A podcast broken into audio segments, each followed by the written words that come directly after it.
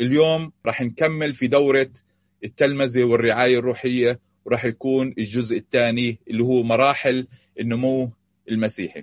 تذكير بما تم في الأسبوع السابق تحدثنا عن أربع نماذج للكنائس المتوفرة حاليا وشفنا كيف الكتاب المقدس بيركز على المنهجية ومنهج يسوع والكنيسة الأولى واكتشفنا أنه التركيز لازم يكون عن التلمذة الكتابية.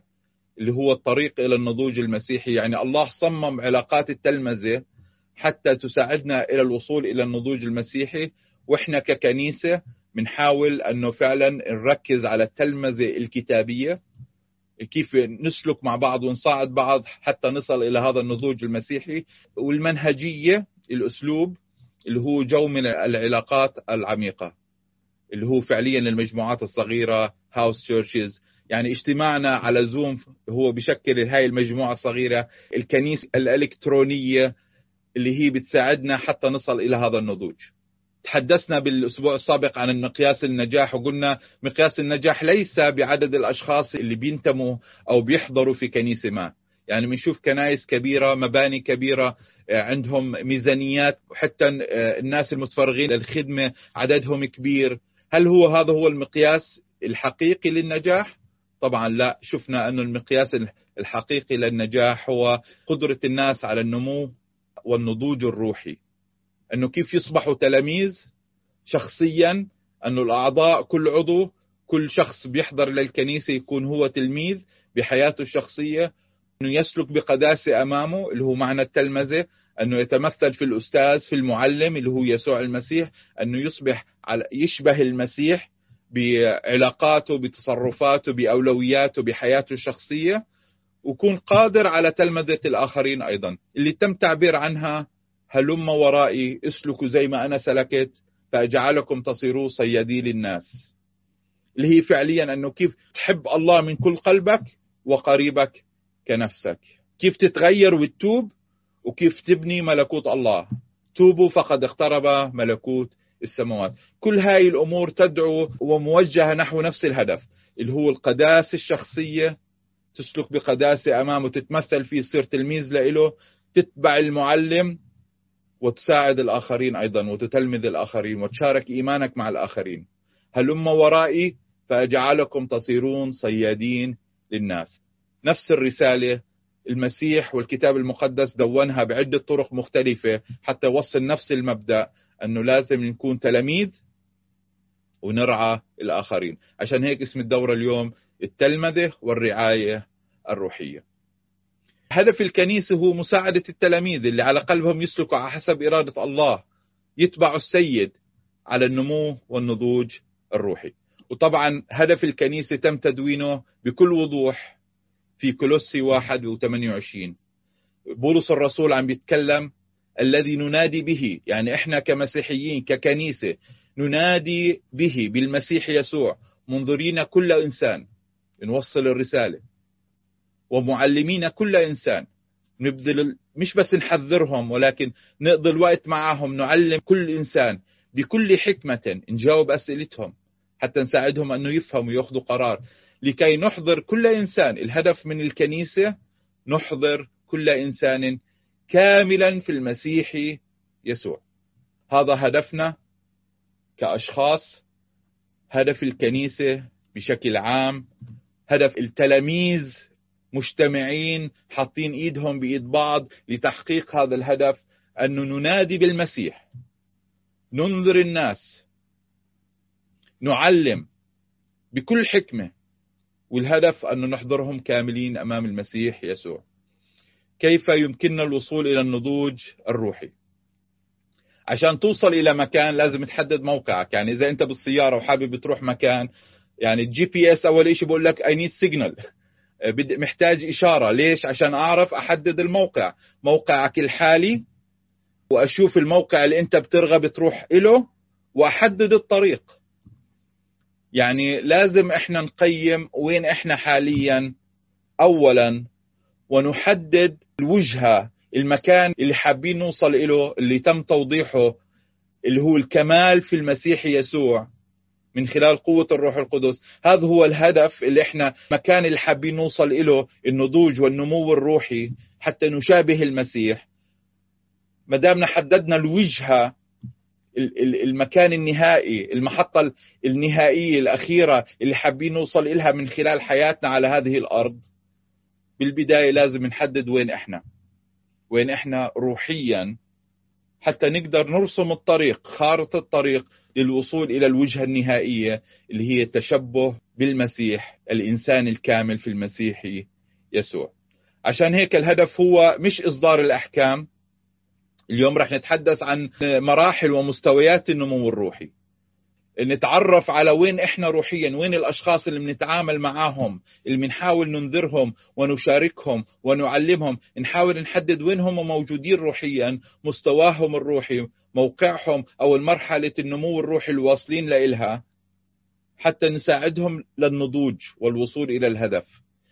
ولكن الهدف من التقييم هو ليس إصدار الأحكام أو إدانة الآخرين. هذا مش قلبنا. لأنه كتابيا بيقول أنه لا تدينوا كي لا تدانوا. لأنكم بالدينونة التي تدينون بها تدانون والكي الذي به تكيلون يكال لكم. إحنا الهدف من التقييم والمستويات الروحية رح نتحدث عن خمس مستويات روحية. هو مش أنه ندين الناس لا بالعكس أنه أنت بتحدد مستوى عشان تساعد الشخص للنضوج. يعني حتى مثلا إذا بتروح على أي مدرسة وحابب تتقن أي لغة أول شيء بيسووه امتحان مستوى. امتحان مستوى ليش؟ عشان يعرفوا بأنو بأنو دورة يحطوك بأنو مستوى يحطوك حتى يساعدوك للنمو. أنت بتقول لما تيجي تسجل في هاي الدورة أنا حابب أتقن هذه اللغة. عشان هيك إذا أنت فعلا على قلبك تتقن هذه اللغة يجب أن تتعرف على مستواك حتى تعطى المكان المناسب والأسلوب المناسب حتى يساعدك على النمو والتغيير حتى يحققوا احتياجك. يعني كل مستوى له احتياجاته راح نشوف هذا الشيء من خلال هاي الدورة. ولكن الهدف هو مش الدينونة. ولكن الإنجيل بيعلم أنه من ثمارهم تعرفونهم. بإمكاننا أنه نعرف مستوى الشخص الروحي من خلال الثمار. من ثمارهم تعرفونهم. هل تجنون من الشوك عنبا أم من الحسك تينا هكذا كل شجرة تصنع أثمارا جيدة. وأما الشجرة الرديئة فتصنع أثمارا رديئة. يعني هون بقول أنه في شجرة جيدة وشجرة رديئة. راح نشوف كمان من خلال هذه الدورة من خلال التعرف على مستويات الروحية آه، أنه كيف بإمكانك تدرك وين أنت روحيا. الهدف من التعرف على المرحلة النمو الروحي هو التمكن من وضع خطة للوصول إلى النضوج. وين ما تكون أنت روحيا. يعني هاي حلاوة الكتاب المقدس. أنه بيخاطب كل شخص بقول بغض النظر وين أنت روحيا. في خطة في طريقة بإمكاننا نساعدك فيها للوصول إلى النضوج اللي هو الوجهة النهائية. مش بس لإلك لكل شخص في الكنيسة. وإذا أنا سابقك بخطوة هذا ما بيعني أني أنا أتفاخر عليك لا. كلنا ماشيين في هالطريق ونسلك مع بعض ونساعد بعض حتى نصل إلى الهدف اللي هو النضوج الروحي.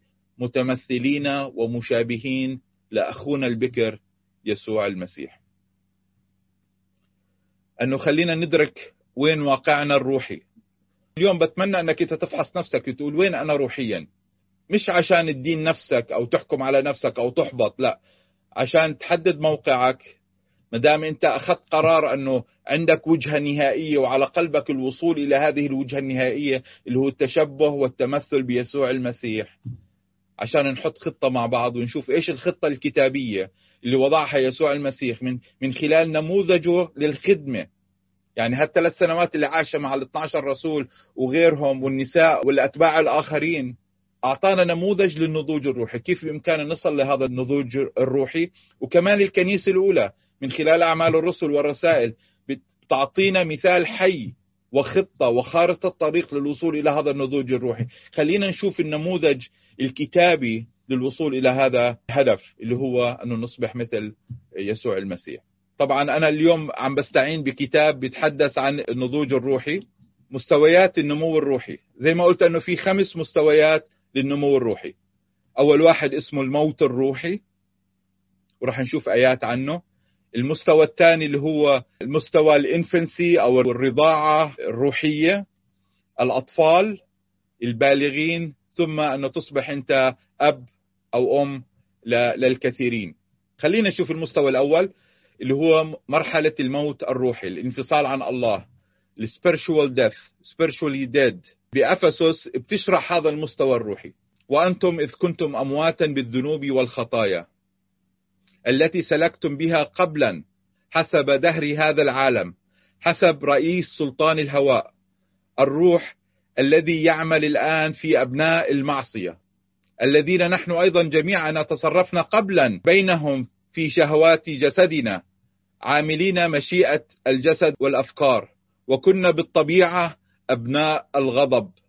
كالباقين أيضا الله الذي هو غني في الرحمة من أجل محبته الكثيرة التي أحبنا بها ونحن أمواتا بالخطايا. أحيانا مع المسيح بالنعمة أنتم مخلصون. هنا الآية بتوصف حالتين روحيتين. تكون ميت بالذنوب والخطايا عدد خمسة ونحن أمواتا بالخطايا يعني هاي الحالة السابقة. أحيانا معهم نصبح عندنا حياة روحية من خلال المسيح من خلال النعمة. إحنا مخلصين. الآية بتقول أبناء المعصية بتوصف أبناء المعصية. قبلا بالطبيعة أبناء المعصية كنت سالك بحسب الطبيعة الفاسدة. ميالي إلى الخطية اللي تشتهي وترغب وتطمح للخطية. وكيف الله تدخل وأحيانا من خلال المسيح أيضا. بلوقا ستة بتتحدث عن الإنسان الصالح. من كنز قلبه الصالح يخرج الصلاح والإنسان الشرير من كنز قلبه الشرير يخرج الشر. فإنه من فضلة القلب يتكلم فمه. هون كمان الآية بتوصف أنه في حالتين روحيتين الإنسان الصالح والإنسان الشرير. كمان شفنا كيف ما في ليس صالح وليس ولا واحد طبعا من خلال من خلال دم المسيح من خلال نعمة الروح القدس. بإمكاننا نوصف ونعلن الله بيصدر حكم هون أنه هذا الشخص صالح. يعني هاي حالته القانونية صالح بنظر الله. وفي في شخص شرير. الهدف مرة ثانية من التقييم ليس أن ندين الناس أو نصدر أحكام نهائية. هذا مش حكم نهائي. أنت لما تتعرف على مستواك زي مثال المستوى إتقان لغة معينة. لما تتعرف على مستواك وتدرك بعد الامتحان المستوى أنك أنت يعني مبتدئ جدا في هذه اللغة اصدروا حكم عليك أنه أنت مستواك لا يزال واحد. واذا في قبل الواحد كان حطوك في قبل الواحد. بس هذا مش آه، حكم نهائي عليك.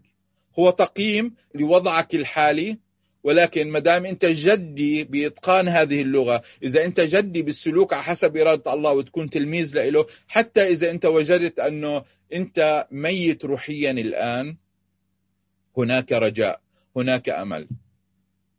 الله بقول لك في رجاء من خلال يسوع المسيح، من خلال النعمة، من خلال الإيمان بإمكانك بالنعمة أنت مخلص، يعني هذا لازم يفرحك هالشيء، حتى لو أنت أدركت أنه أنت ميت روحيا. صفات هذا المستوى ميت روحيا. لا تتوقع ثمر روحي. يعني هل تتوقع من جسد ميت أي عمل أي منتوج؟ طبعا لا. بعض الجمل اللي بتساعدك أنك تميز من هم في هذا المستوى. يعني كيف بإمكاننا نتعرف على الأشخاص؟ نقدر نميز ونقيم وين هم روحيا. في بعض الجمل ممكن تساعدك تدرك هل أنت هيك أو هل اللي أمامك الشخص اللي بتتعامل معه هو فعلا ميت روحيا؟ أول جملة ممكن تسمعها؟ لا أعتقد أن هناك إله. يعني مجرد أنه يقول ما في ربنا ما في الله في الموضوع يعني هاي جملة أوتوماتيكيا بتقول أنه هذا الشخص لا يزال ميت روحيا. الكتاب المقدس هو مجموعة من الأساطير. يعني هاي ممكن تساعدك تميز أنه إذا شخص يعتقد هذا الشيء أو يدعي هذا الشيء أو أو ينادي في هذا الشيء أو ينشر هذا الشيء أنه هذا الشخص لساته بمستوى الموت الروحي. طبعا هو مش زي ما قلت انه حكم نهائي على هذا الشخص. ممكن بعد الحوار والنقاش والصلاة والصوم وطلب تدخل الله وعمل الروح القدس في حياته ممكن هذا الشخص ينتقل من الموت إلى الحياة وراح نشوف هذا الشيء بعدين. بس حاليا في هاي المرحلة ما دام هو لا يعتقد أنه هناك إله هو فعليا قيم نفسه بنفسه. آه، ممكن يقول الدين عكاز للضعفاء.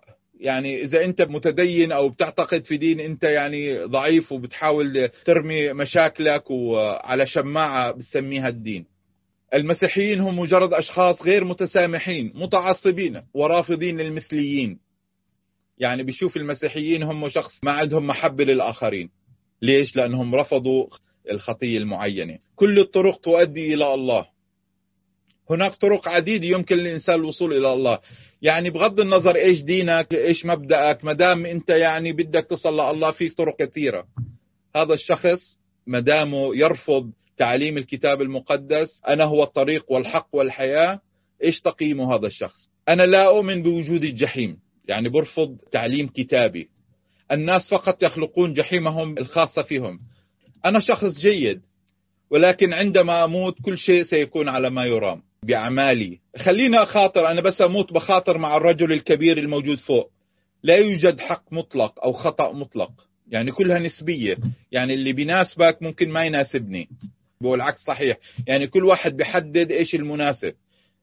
يعني ما في شيء مطلق. أنا بحدد الحقيقة اللي بتخصني واللي بتناسبني واللي شايفها بعيني.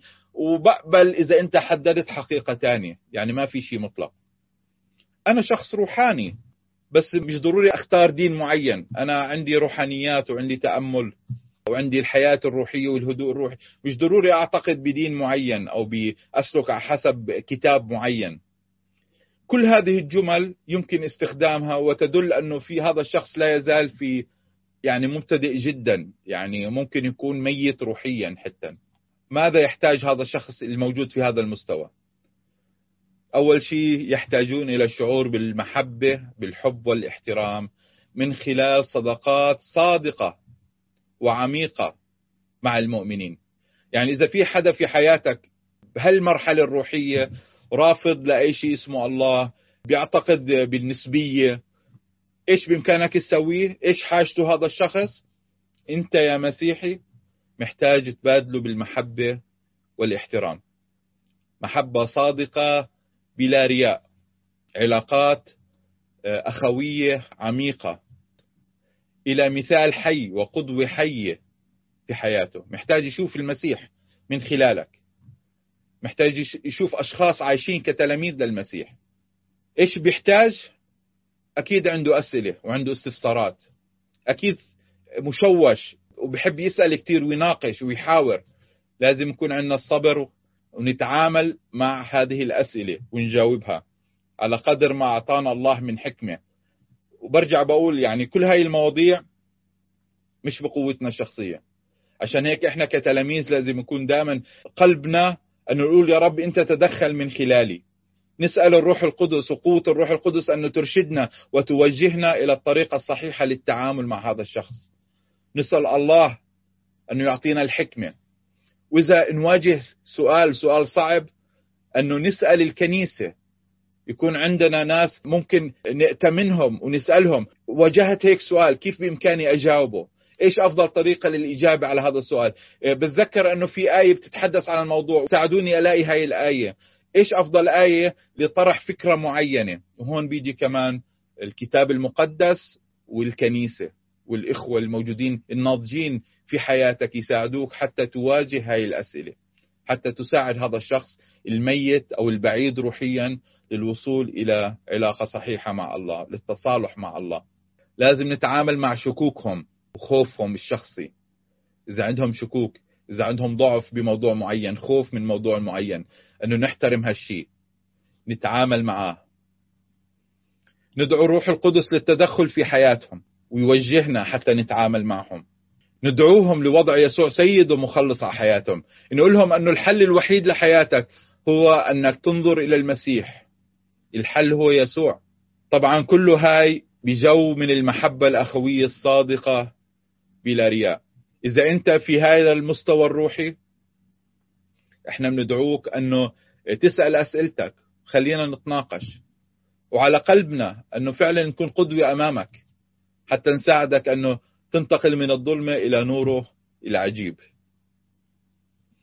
يسوع تعامل مع ناس عندهم شكوك. بيوحنا ثلاثة قال يسوع لنخديموس الحق الحق أقول لك. إن كان أحد لا يولد من فوق لا يقدر أن يرى ملكوت الله. قال له نقوديموس كيف يمكن للإنسان أن يولد وهو شيخ؟ ألعله يقدر أن يدخل بطن أمه ثانية ويولد؟ أجاب يسوع الحق الحق أقول لك إن كان أحد لا يولد من الماء والروح لا يقدر أن يدخل ملكوت الله. هم نشوف يسوع المسيح عم بيتعامل مع أسئلة نيقوديموس هل كان هو يستهزئ؟ ما أظن. كان عنده أسئلة حقيقية عم بيحاول يفهم طريقة تفكير يسوع والجمل اللي بيحكيها يسوع. كانت أسئلته صادقة. يسوع تعامل معها بكل احترام وبكل جدية وبكل محبة. وفي نفس الوقت اتحداه.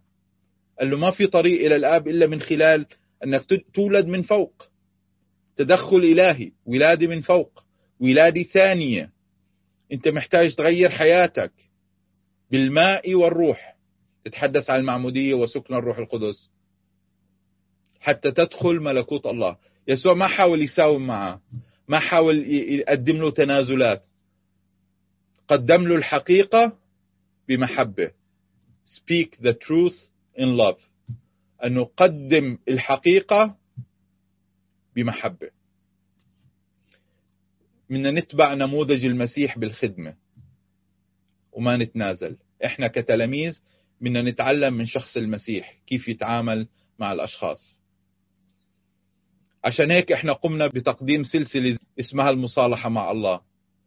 إذا أنت على قلبك أنك تدرك وين أنت روحيا وتتصالح مع الله هاي الدورة راح تفيدك شخصيا. طبعا في الدراسة هاي شخصية. ممكن الإخوة مع الإخوة والأخوات مع الأخوات يحددوا موعد يتلاقوا شخصي حتى يناقشوا المواضيع. بإمكانك تطرح أسئلتك وشكوكك حتى تقدر تفهم إرادة الله لحياتك. تفهم إرادة الله وتكون قادر أن تشرحها للآخرين. بتقول أنا أوريدي عندي علاقة صحيحة مع الله. ندعوك أنك تتعرف على هاي الدراسات على هاي الدورة المصالحة مع الله عشان تقدر أنت تشاركها مع الآخرين أيضا. لأنه هذا هو دورك كمسيحي. أنه مش بتسلك خلف يسوع المسيح كتلميذ صالح له تسلك بالقداسة ولكن أنك تشارك إيمانك مع الآخرين. فأجعلك تصير صياد للناس. وين أنت روحيا؟ بإمكانك تستفيد من هاي الدورة دورة المصالحة مع الله.